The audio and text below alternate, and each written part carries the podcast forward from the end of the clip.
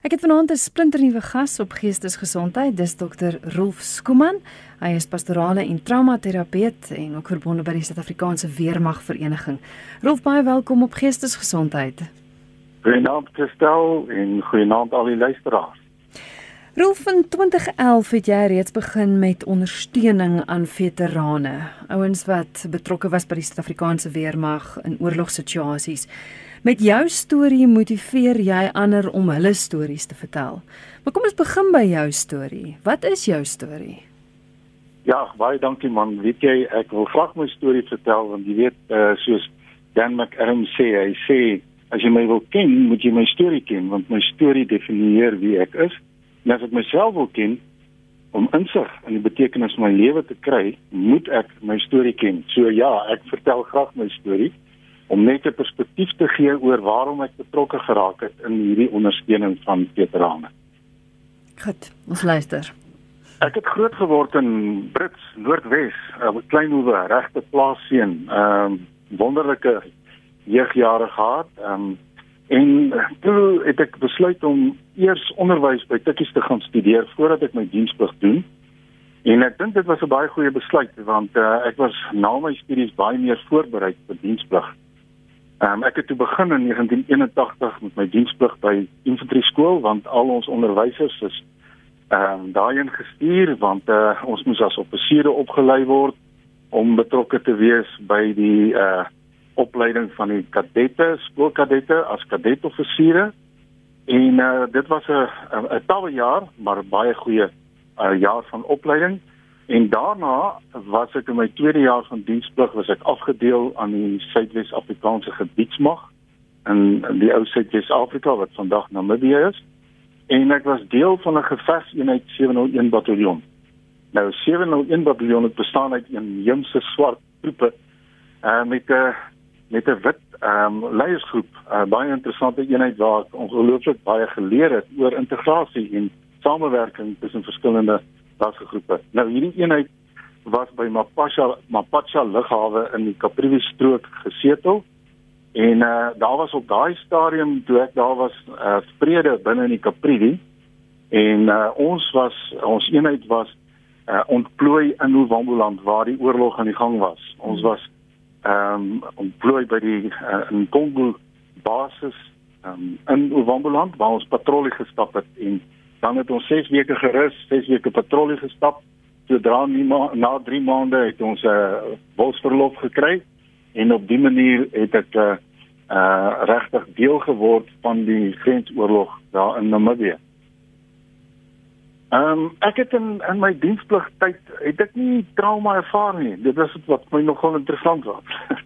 Ehm um, ek het eintlik my diensplugjare so geniet dat ek 7 jaar nadat ek 'n onderwyser was, begin terugverlang het na die weermag en selfs besluit het om permanent as 'n staande maglid aan te sluit. Nou uh uh die fout wat ek gemaak het is ek het aangesluit net voor Ewie de Klerk die afkondiging gemaak het van die uh 2 Februarie 1990 dat die ehm um, daaraan onderhandel word met ons voormalige vyand en dat hulle vrygelaat gaan word En uh, ek um, het betrokke geraak by militêre inligting en ek het aanvanklik gedink dat ek baie rustig op 'n uh, in 'n kantoor lesenaarwerk gaan doen, navorsing gaan doen oor die binnelandse situasie en ek het nooit besef dat dit wat ek daar ervaar het en dit waaraan ek blootgestel was vir my regtig trauma sou veroorsaak het. So ehm um, ek het toe daar ehm um, navorsing gedoen, strategiese navorsing gedoen en stelselmatig al meer en meer trauma ervaar sodat selfs 1992 die jaar was wat ek werklik uh, erge trauma ervaar het. Nou ek het dit nie besef nie. Ek het net geweet iets is fout. Ek het net geweet iewers moet ek 'n beter begrip kry van wat met my gebeur. En dit het toe veroorsaak dat ek begin navorsing doen het oor oorlogstrauma en ek het dit aanvanklik gedoen net om myself beter te verstaan. Nou hierdie navorsing het natuurlik nou 'n hele nuwe proses ingelei van selfontdekking en dit het ook my genesingsproses begin. So hmm. dit in kort is nou maar net die storie wat daartoe gelei het dat ek navorsing begin doen het oor oorlogstrauma. Ja, jy het ook jou D gedoen en uh, jy verduidelik nou interessant genoeg jy was nie in die oorlogssituasie waar jy die trauma opgedoen het nie, jy het op 'n ander manier opgedoen, maar hoekom hoekom is dit dat soveel mans trauma beleef het tydens diensplig? Is daar verskeie redes? Ja, verseker jong. Weet jy, die die belangrikste rede is oorlog is 'n traumatiese gebeurtenis en weet jy ons mag nooit oorlog romantiseer nie. En jy weet soos ou ou Ron Langer, 'n uh, psigiater wat baie met veterane werk gesê het, hy sê oorlog verwond die siel. Gedurende oorlog word 'n uh, word ons gewone sin van moraliteit op sy kop staan gemaak en dit wat sin maak tydens oorlog dalk selfs noodsaaklik is tydens oorlog maak dalk nie sin wanneer jy na die burgerlike lewe terugkeer nie. So uh, die die die die groot uitdaging van oorlog is jy is in 'n abnormale situasie in traumatiese omstandighede en daarom uh, probeer 'n weermag met sy opleiding sy ehm um, soldate die beste voorberei vir hierdie abnormale en soms traumatiese omstandighede. So ons opleiding wat ons selfs al gedoen het, ek het dit selfs op uitvoering ervaar was in 'n mate al klaar traumaties. En en en, en daarom was veral hierdie ouens wat verplig was om diensplig te doen en nie 'n soldaat wou wees nie, het al klaar trauma tydens opleiding ervaar. Ehm um, die die trauma wat ons ervaar het, het ook van persoon tot persoon verskil en jy weet daar word nou baie gesê van die posttraumatiese stresversteuring wat ook mos in Engels veral bekend staan as PTSD. Mm. En die mense fokus baie daarop en hulle dink dis alwaaroor dit gaan. Maar dis nie daaroor dit gaan. Ehm um, 'n soldaat word baie keer verwond tydens 'n oorlog. Hy ervaar dinge wat hom in sy menswees laat swaar kry. Ja, ons gaan juist vanaand praat daaroor. Ek het 'n klomp eposse vooraf gekry, so ek gaan so deur die loop van die aand daardeur werk want ek dink dit spreek verskillende aspekte aan. Ek wil eers gou 'n uh, 'n uh, boodskap lees wat 'n luisteraar vir my gestuur het wat sê my husband 54 has PTSD from his time in Angola. What is the SANDF doing to help veterans with this? Ja, ek dink dit is 'n baie goeie vraag en uh, ek gaan hom sommer nou dadelik beantwoord. Hmm. Jy sien ehm um, uh, baie mense het nie uh, besef van wat PTSD werklik ehm um, behels nie. En eintlik is dit uh, 'n besering aan diens. Dit word al meer en meer beskou as 'n besering aan diens. Daarom ehm um, is die SAW SANB uh, weer so as jy uh, weet die weermag soos ons hom nou ken, ehm um, ondersteun enige soldaat wat kan kom en bewys dat hy posttraumatiese stres opgedoen het tydens 'n operasie en uh, dan is daar twee moontlikhede wat kan gebeur. Die een is hy kan 'n uh, kompensasie kry as gevolg van kom ons noem dit nou maar 'n besering aan diens of hy kan selfs gratis berading kry om die posttraumatiese stres te verwerk. Ongelukkig is dit net 'n lang proses maar dit is moontlik en daar is al mense wat of kompensasie gekry het of uh berading gekry het. So in die opsig uh sorg die weermag nog steeds vir sy soldate wat PTSD opgedoen het en dit is ook nat natuurlik internasionaal uh die gebruik. Um, in Amerika was daar selfs mense wat gevra het dat ouens wat posttraumatiese stres opgedoen het medaljes moet kry want uh dit word ernstig opgeneem en selfs jou jou dapperste soldate uh, ervaar soms PTSD. Ek het ook 'n e-pos gekry van Stefan. Stefan, ek's jammer ek het hom effe korter gemaak, maar hy skryf baie soldate sal sê dat maatskaplike en sielkundige nabetragting nooit gebeur het nie of dat die dienste nie beskikbaar was nie. Die diens was altyd beskikbaar en is steeds beskikbaar. Maar die macho wees van soldaat wees destyds en vandag het het menigte egter verhinder om hulle swakheid te wys of hulp te soek. Is Stefan reg? Is dit omdat mans dink jy mag nie daaroor praat nie? daai machoheid waarvan hy praat? Ja, dit dit is verseker. Hy is heeltemal reg. Ehm um, jy weet ons manne wil mos nie praat oor ons seer kry nie en jy weet ons wil ook nie voor dit wil ons nou nie lyk asof ons uh, lafhartig is of bang is of of wil onttrek nie. Dit daar is hierdie maar jy weet ons is manne en ons moet dit kan vat. En en dit het, dit het uh, baie bygedra daartoe dat van ons ouens nie gaan praat het met maatskaplike werkers en beraders nie. Die beraders was veral uh in die laat 80er jare beskikbaar. Hulle was daar vir ontlotting, ontlonting. Uh maar die ouens het nie altyd daarvan gebruik gemaak nie want dit dit was half 'n jy weet, ehm um, half 'n teken van swakheid om met hierdie wat ons genoem het sieltefies te gaan praat, jy weet. Mm. Want uh, gaan hulle jou regtig kan help. Maar hulle mag daaroor gepraat het, né? Daar was nie want ek weet ek het vroeg vandag dink ek 'n e-pos gekry, ek gaan dit later lees ook, maar iemand wat sê dat hulle 'n dokument geteken het om te sê hulle mag nie praat oor wat gebeur het nie. Is dit die geval of is dit met uitsondering dalk? Kyk, ek dink uh ons het ons het uh, dokumente geteken. Dit is so.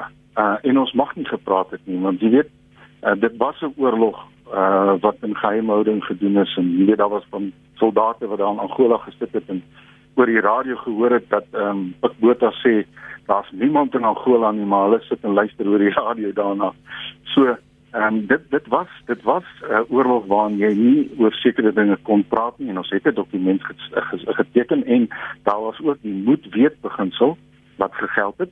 Ehm um, uh, maar ehm um, as jy regtig oor ehm um, jou gevoelens en en en en dit wat jy ervaar het uh, uh kan praat, ek dink dit nie dit sou 'n probleem gewees het nie, maar ek ek dink nie daar was die vertroue om te gaan praat nie. Ek dink nie daar was die besef dat daar werklik uh, 'n uh, rede is dat jy moet gaan praat en dat jy werklik ondersteuning kan kry nie. Ek dink daar was baie onkunde by ons oor die prosesse wat beskikbaar is.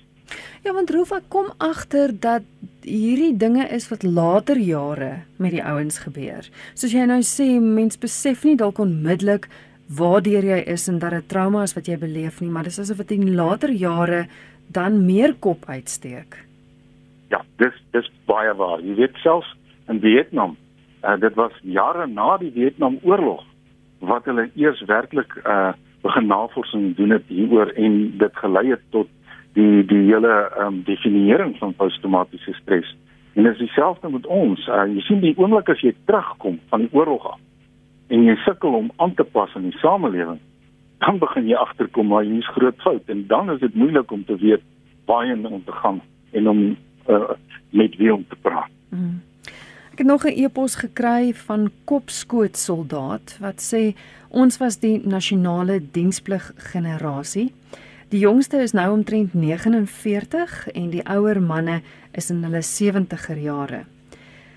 Hy skryf hier ons is die geslag wat ons tyd vir die Suid-Afrika gegee het op baie maniere. Baie makkers wat die hoogste prys betaal het en duisende ander wat duisende ander makkers wat selfs 'n hoër prys betaal het en vandag nog steeds lewend met 'n kopskoot rondloop. Hy skryf verder hier baie van ons paas en ons oupas het Wêreldoorlog 2 medaljes gekry, maar ons het soms 'n pro patria gekry. Nou sê hy ook ons word net afgekraak, geminag en kry 'n skop in die gat. Hy sê hoe sal julle verstaan? Julle was nie daar nie. Is die mantra van die terugkerende grenssoldaat. Jo Christel, ja, weet jy, um, jy ons het ook ons hierdie hele Boetman gesprek gehad uh, van Chris Lou en uh jy weet, uh, daar is hierdie diensbegenerasie en weet jy my hart gaan so uit na ons generasie want ehm um, Jy weet eintlik met 'n soldaat nadat hy terugkom van die oorlog af, moet hy erkenning kry vir die opofferings, moet hy erkenning kry vir dit wat hy gedoen het vir sy land en sy volk. Dis wat hy moet kry en dit het ons nie gekry nie. Inteendeel, na 1994 was ons nie eens deur die nuwe regering en die nuwe bestel as veterane erken nie. Ons is eers in 2011 met die veterane wet as veterane erken ons was half beskou as die verloorders. Ons was beskou as die as die manne wat ehm um, wat eintlik onderdrukkers was. En en weet jy dit is so groot leuen. want ek moet vir jou eerlik sê as dit nie vir ons bydra van ons dienspligtiges was tydens 1994 die tydperk tot 1994 waar hulle as 'n vredesmag in die in die ehm um, townships die die vrede tussen die uh, Inkatha soldate en die ehm um, weet die SBU's van die ANC gaan begin weet gaan gaan bewerkstellig het nie. Dan was ons nie vandag waar ons was nie. So ons diensplig ouens het so 'n groot bydra gelewer tot vrede in hierdie land en hulle nooit die erkenning daarvoor gekry nie. En dit dit is een van die dinge wat my so hartseer gemaak het jy weet en en en daarom dis een van die dinge wat ek vanaand wil sê. Ek wil hierdie ouens eer dit wat hulle gedoen het. Hmm. Ja, luister na Geestesgesondheid op 'n Dinsdag aand hier op RSG. My gas vanaand is Dr. Rolf Skuman. Hy is 'n pastorale en traumaterapeut van die Suid-Afrikaanse Weermag Vereniging en ons gesels oor oorlogstrauma. Ek het 'n e-pos gekry van 'n vrou wat sê ek wil net bietjie meer uitvind oor simptome van onbehandelde trauma. My man was 1981 en 1982 in die weermag. Hy was op Rundu. Hy was 'n ops medic daar gewees en hy het baie lelike goed gesien en moes doen. So ja, hy vertel maar net die stories oor en oor, maar ek dink nie hy het regtig ooit daarmee gedeel en vrede gemaak nie. Dit is asof hy nie kan kan klaarmaak daarmee nie. Nou ek gaan nou epos so stuk vir stuk lees want ek wil eers hier 'n vraag vra. Jy fokus ook op narratiewe terapie wat ouens aanmoedig om hulle storie te vertel. Maar hier sê sy haar man vertel sy storie. Maar ten spyte daarvan is dit asof hy nie kan klaarmaak nie. Mense sou gedink het dat om te praat daaroor is helend. Ja. Weet jy uh die die die belangrike is jy moet praat daaroor, maar jy moet op die regte manier praat daaroor. Want okay. elke traumatiese ervaring het 'n begin en 'n einde.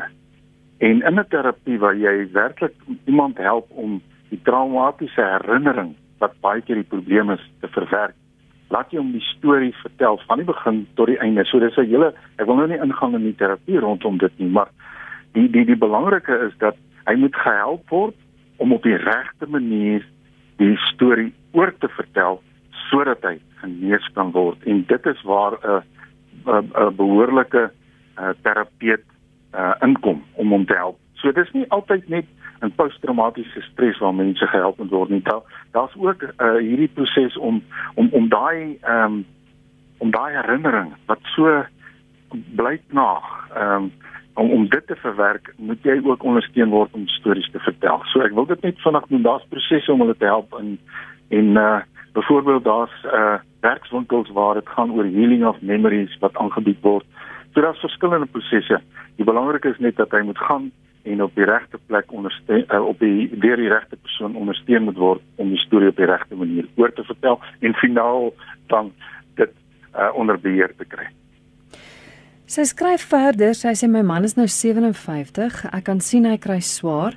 Hy wil ook nie hulp kry nie en dit maak dit baie moeilik vir my en die kinders om uh, soms dit te aanskou. Klein goedjies trigger weer die soldaat en dan tree hy baie kil en koud op. Hy sal vir dae lank nie eet nie en net drink. Sy skryf ons boer tans in die Oos-Vrystaat waar gemoedere maar baie hoog loop, soos wat almal weet, en dan kom die soldaat baie meer uit. Hy slaap sleg en hy kan nie tot rus te kom nie.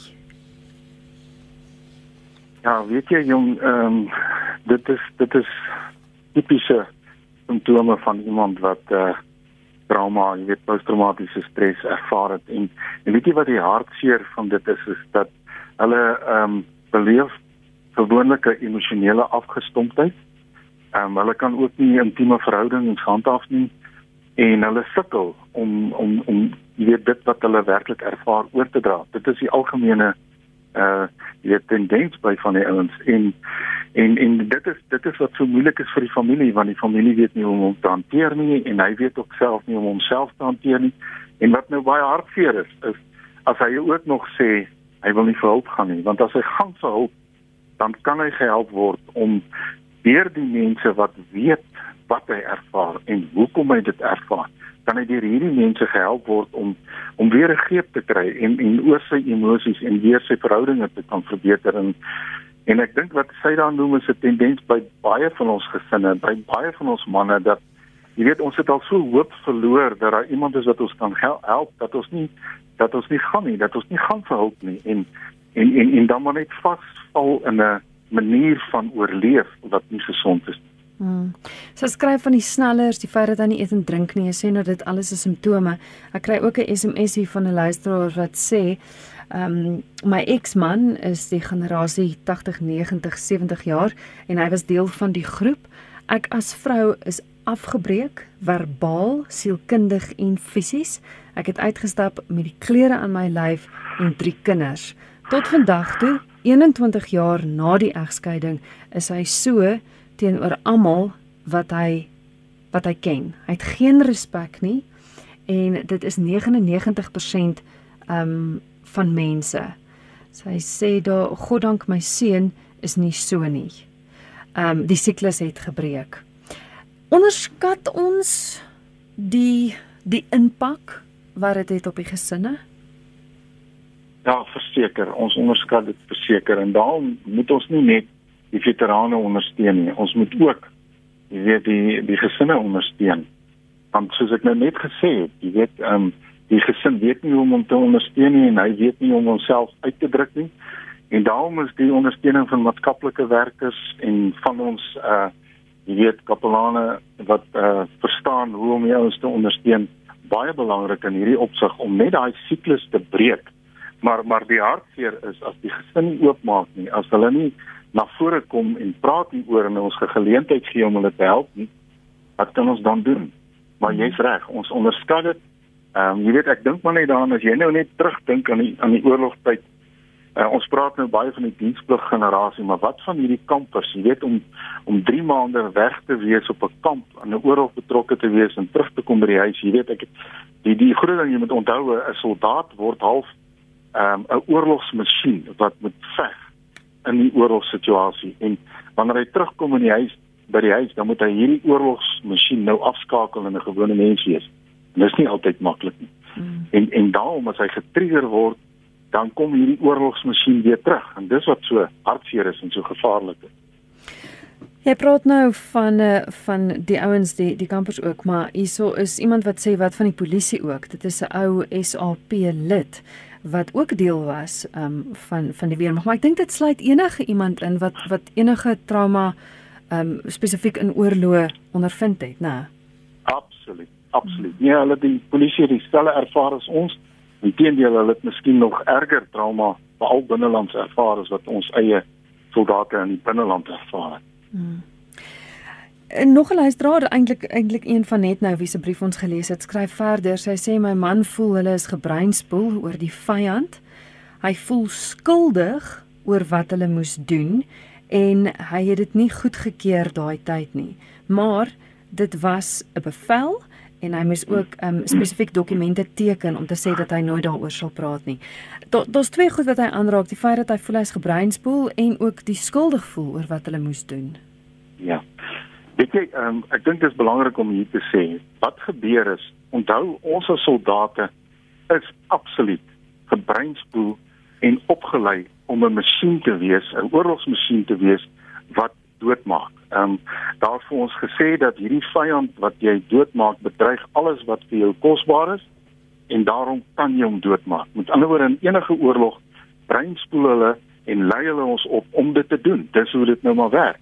Maar nou as ons terugkom, dan moet jy uit daai jy weet uit daai ehm um, oorlogsmasjien mode, as ek dit so kan stel, moet jy kom en en dit is wat baie keer nie gebeur het nie.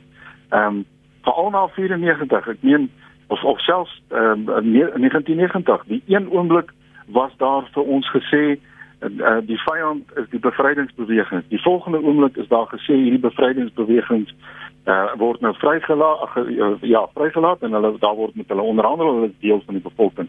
So kan jy dink wat wat in in in in 'n soldaat se se gedagtes aangegaan het en hulle was nooit gehelp om hierdie aspekte te verwerk nie. So ek wil dit net noem en, en daarom wat die breinspoeling betref, dit was daar en ons moet dit weet en dit is deel van soldaat wees. Die ander aspek mm. wat ek wil wil noem, ekskuus wil jy iets nee, nee, uh, opmerk maak? Nee nee nee, streg asseblief gaan aan. Ja, die ander aspek wat hy noem is ongelooflik belangrik en um, ek wil daaraan raak want in Suid-Afrika is daar nog nie behoorlik hieroor gepraat nie en dit is morele morele verwonding. In Amerika is daar baie navorsing daaroor gedoen en ek het self ook redelik baie navorsing daaroor gedoen. Ek is ook besig met 'n artikel daaroor. Maar morele verwonding is presies wat hy nou gesê het wat hy ervaar het. Morele verwonding is wanneer 'n soldaat in 'n risikosituasie 'n opdrag kry om uit te voer wat teen sy morele kode en etiek is. Hy stem nie saam daarmee nie. Hy wil dit nie doen nie, maar hy word verplig om dit te doen en as gevolg daarvan voel hy skuldig. So dit is morele verwonding en en en die Amerikaanse soldate ervaar dit baie keer in die oorloë waarna hulle betrokke is maar as ons kyk na ons ontplooiing van ons eie soldate in die in die swart woongebiede en townships dan dink ek moes daar baie morele verwonding plaasgevind het en hulle het nie geweet daarvan nie en en ek was so bly dat dit nou vanaand ook so uitgekom het dat ons hieroor kan praat want dit is 'n baie belangrike aspek wat ons ook moet aandag gee in die ondersteuning van ons veterane. Mm. Hier staan ook hulle moes grensoorlog toe gaan om stukkend terug te kom. My man was maar 17. Dit het sy hele menswees verander. Twee gebroke huwelike agter die rug. Hulle het nooit hulp of berading daarvoor gekry nie en nou maak dit nou haal dit hulle in. Ekskuus, dis wat sy skryf. Sy sê dit is regtig ja. baie hartseer. Hy het nie vriende nie en hy distansieer hom van almal en alles. Jy het nou in die begin gesê jy het eers gaan studeer voor jy jou diensplig gaan doen het want yes. ja, as, as ja. jy net uit skool uitstap, wat weet hmm. mens van die lewe? Ja. Ja. En ek dit is baie waar en dit is wat so hartseer is. En jy weet, 'n uh, uh, jong manne wat uit 'n gesonde huisgesin uit gekom het en 'n sterk infrastruktuur, 'n ondersteuningsstruktuur gehad het, het dit baie keer hanteer, maar arme jong manne wat nie altyd uit so 'n sterk ondersteuningsstruktuur gekom het nie en nog nie 'n goeie selfbeeld gehad het nie, het baie swaar gekry en en ja, daar is baie van ons manne wat wat ehm um, maar geknak is deur die deur die diensplig. Baie ander ouens het sterk geword. Baie ander ouens het jy weet die die die uh die um, diensplig het hulle 'n nuwe identiteit gegee. Ons moenie nie ons moenie dit ook weet nie en nog uh, nie ons moet dit ook in ag neem. Dit was werklik so dat uh die diensplig het van sekere van ons manne gemaak, maar ongelukkig moet ons ook besef dit was nie goed vir van ons ouens wat nooit 'n soldaat moes gewees het. Ja. Goed. Kom ons kom by hoe kan hierdie ouens gehelp word? Is daar hoop, Rolf? Ja, daar's verseker hoop. En weet jy, ek wil begin om te sê dat die hoop of of die ondersteuning lê daarin dat hierdie manne uit hulle isolasie uit moet kom en dat hulle betrokke moet raak by veterane organisasies. Wêreldwyd het navorsing bewys die beste medisyne en die beste ondersteuning vir enige soldaat wat oorlogstrauma ervaar, is sy makkers, is die ouens wat saam met hom daar was. Hy moet in hierdie veilige omgewing van hierdie ouens kom en daar moet hy kan sy sy storie kan vertel en kan praat oor sy seer en verder ondersteun kan word. So ek dink dis die eerste stap. Daar's definitief herstel. En en ek ek gaan nou uit my eie ervaring praat. Ek het swaar gekry. Ek het probeer om met my kinders te praat. Ek het probeer om met predikante te praat. Ek het totdat ek op die ouente veterane organisasie 61 Meg opgesoek het.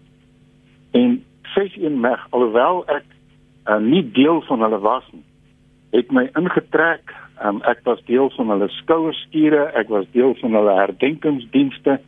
Skielik het ek 'n tipe van 'n veterane familie gekry waar ek kon behoort, waar ek my stories kon vertel ek skielik 'n uh, identiteit gekry het van 'n ou man wat nou tussen ander ou manne is en wat wat regte genesing ervaar. En dit is dit is wat moet gebeur.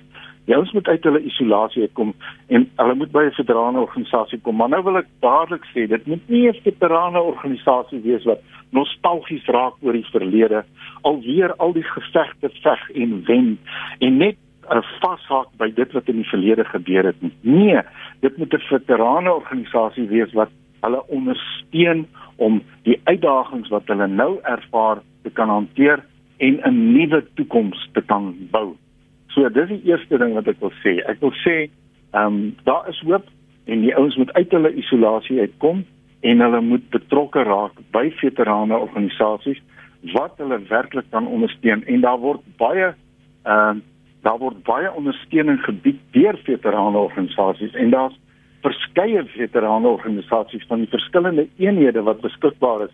En die afgelope tyd is hulle beter om besig is om besig om uit te brei en hulle is besig om hulle lede te kontak. Hulle is besig om uh stories te vertel en stories te skryf. So ek wil die ouens aanmoedig, kom by hierdie ouens uit. Kom by 'n veterane organisasie uit wat jou kan ondersteun. En ek wil ek wil ook noem, hulle moet uh, uitkom by 'n veterane organisasie wat doen wat die internasionale veterane organisasies wêreldwyd doen. En dit is erkenning aan hulle lede, herdenkingsdienste hou, terreine van veldslae waar veldslae plaasgevind het besoek, betrokke te raak by versoeningsinisiatiewe en dan ook uh, ondersteuningsprosesse aan hulle veterane bied en 'n instruk uh uh in 'n infrastruktuur het waarin hulle hulle veterane en die gesinne begelei in die proses van genesing en herstel. Ja, want dit is die gesinne ek ek bly jy noem die gesinne want dit is nie net dis nie net 'n pad wat daai ou alleen moet stap nie. Die gesin moet saam stap. Absoluut. Mm. Ek het vroeër 'n e-pos eh, ek kon nou nie by al die e-posse uitkom wat ek gekry het nie, maar as ek reg onthou het die persoon vertel van hy het een aand by die bar by 'n kroeg met 'n kolonel gesels en alles vir hom vertel en aan die einde het die kolonel vir hom gekyk en vir hom gesê jy het nou die grootste hom twak gepraat. En dit is baie belangrik wat jy nou gesê het dat jy by die regte plek moet uitkom. Ja. Ja. Um, en en dat jy by iemand uitkom wat weet waar deur jy is. Presies. En dit is hoekom die veterane groep so belangrik is want dit help nie jy gaan vertel dit vir iemand anders nie. Jy kan jou storie vir jou vrou ook net soveel keer vertel. Sy was nie daar nie. Sy weet nie regtig wat gebeur het nie. Ja, ja. Ek en ek wil vinnig net noem, Wessel van der Kolk het in sy boek The Body Keeps the Score, jy weet hy hy uh, vertel ook van hierdie ervaring van wanneer die ouens so bymekaar kom. Hy sê die ouens wat trauma ervaar, ehm um, vorm 'n groep van hulle eie en hulle voel hulle vertrou nie die ander ouens wat nie trauma ervaar het nie. Hulle het byvoorbeeld vir hom nadat hy begin het om na hulle te luister en hulle te ondersteun op die ouente uniform gegee. Dit was nou die die die, die uh, Marines daar in Amerika. Mm. En hom gesê nou is hy deel van ons groep. En eers toe hulle voel hy's nou deel van hulle groep want hy weet wat hulle vertel het, toe het hulle nou regtig oopgemaak. Jy weet so uh, hierdie is hierdie is maar deel van hierdie proses en daarom is dit so belangrik dat die dat die ouens by hulle ou makkers ook moet uitkom. Die ouens wat daar was wat dieselfde dinge ervaar het wat hulle ervaar het en dat hulle dan juist moet praat oor daai herinneringe wat seer gemaak het. Ek was 'n deel van 'n van 'n van 'n groep waar die ouens so gepraat het en dit was my so wonderlik om te sien hoe hierdie ouens genesing ervaar het deur juist daai goed waaroor hulle onseker was en onduidelik was oor sekerheid gekry het. Mm. Said SMS what say my son was blinded in action. He was 20 and still today has PTSD problems. Um sy skryf verder hierso en sê he's in his 50s now. The families um, have lived with him every year in December we have to go through the devastation of what happened. En dan het ek ook 'n ander een gekry van 'n luisteraar wat sê my man het diens gedoen in Angola in 1983. Hy's nou 58 jaar oud. Hy kry nagmerries. Hy skop en skreeu in sy slaap. Partykeer wil hy my hmm. slaan as hy slaap. Dis sy skryf ook hierso toe hy terugkeer van Angola as was was ons seentjie 9 maande oud. Die band tussen pa en seun was net nooit weer daar nie. Sy sê vandag is ons seun nou al 10 jaar lank van ons vervreem. Hy wil nie regtig praat daaroor nie en hy wil ook nie niemand niemand professioneel gaan sien nie. So skryf die luisteraar. Ja, so dit is tipiese simptome van posttraumatiese stres. Want jy weet die uh vir al jare kyk is na 3 maande wat ehm um, as jy as jy simptome van trauma na 3 maande ervaar en ons praat nou hier van van nagmerries en uh, uh terugflitsse en indringende uh jy weet 'n hele klomp simptome wat wat jy ervaar na 3 maande na traumatiese ervaring dan is dit eintlik posttraumatiese stres. So met ander woorde as jy hierdie nagmerries het en jy het al hierdie ehm um, terugflitsse soveel jaar na die oorlog is dit posttraumatiese stres en dan moet hierdie persoon by 'n kundige uitkom wat hom kan help anders ter gaan hy vir die res van sy lewe sukkel daarmee. Maar hoef twee van die luisteraars het nou gesê hulle mans wil nie gaan vir hulp nie. Wat doen jy dan? Ja, ja, dit is 'n dit is 'n groot uitdaging. Ek dink dis daar waar jy miskien maar moet probeer om van hulle ou kamerade in die hande te probeer kry en met hulle te praat en vir hulle te vra om met hierdie persoon te kom praat. Jy weet in daai opsig wil ek ook my weet ek sien dit ek is opgewonde daaroor dat van die kamerade hulle ander kamerade opsoek en ek dink dis wat ons moet probeer doen. As jy weet die vrou moet probeer kyk of sy nie daai veterane organisasie waarby hy betrokke was in die hande kon kry en met hulle kan gesels en dat hulle iemand miskien kan stuur om kom om verhouding met hom te bou en jy weet om te betrek nie want die die die moeilikheid is die ouens wil nie oopmaak um, as hulle nie voel dis veilig en dis mm. iemand wat daar was en weet waar hulle gaan. Mm. Ek wil tog luisteraars aanmoedig die program gaan beskikbaar wees as potgooi. So laai hom af en stuur hom na soveel as moontlik mense want ek dink dit is nodig om te hoor dat daar is hoop. Daar kan iets gedoen word. Daar's mense wat bereid is om te help en kan help. Rolf, mag ek vra of jy kontakbesonderhede sal gee as luisteraars miskien met jou in verbinding sou wou tree om uit te vind hoe hulle by die regte plek kan uitkom?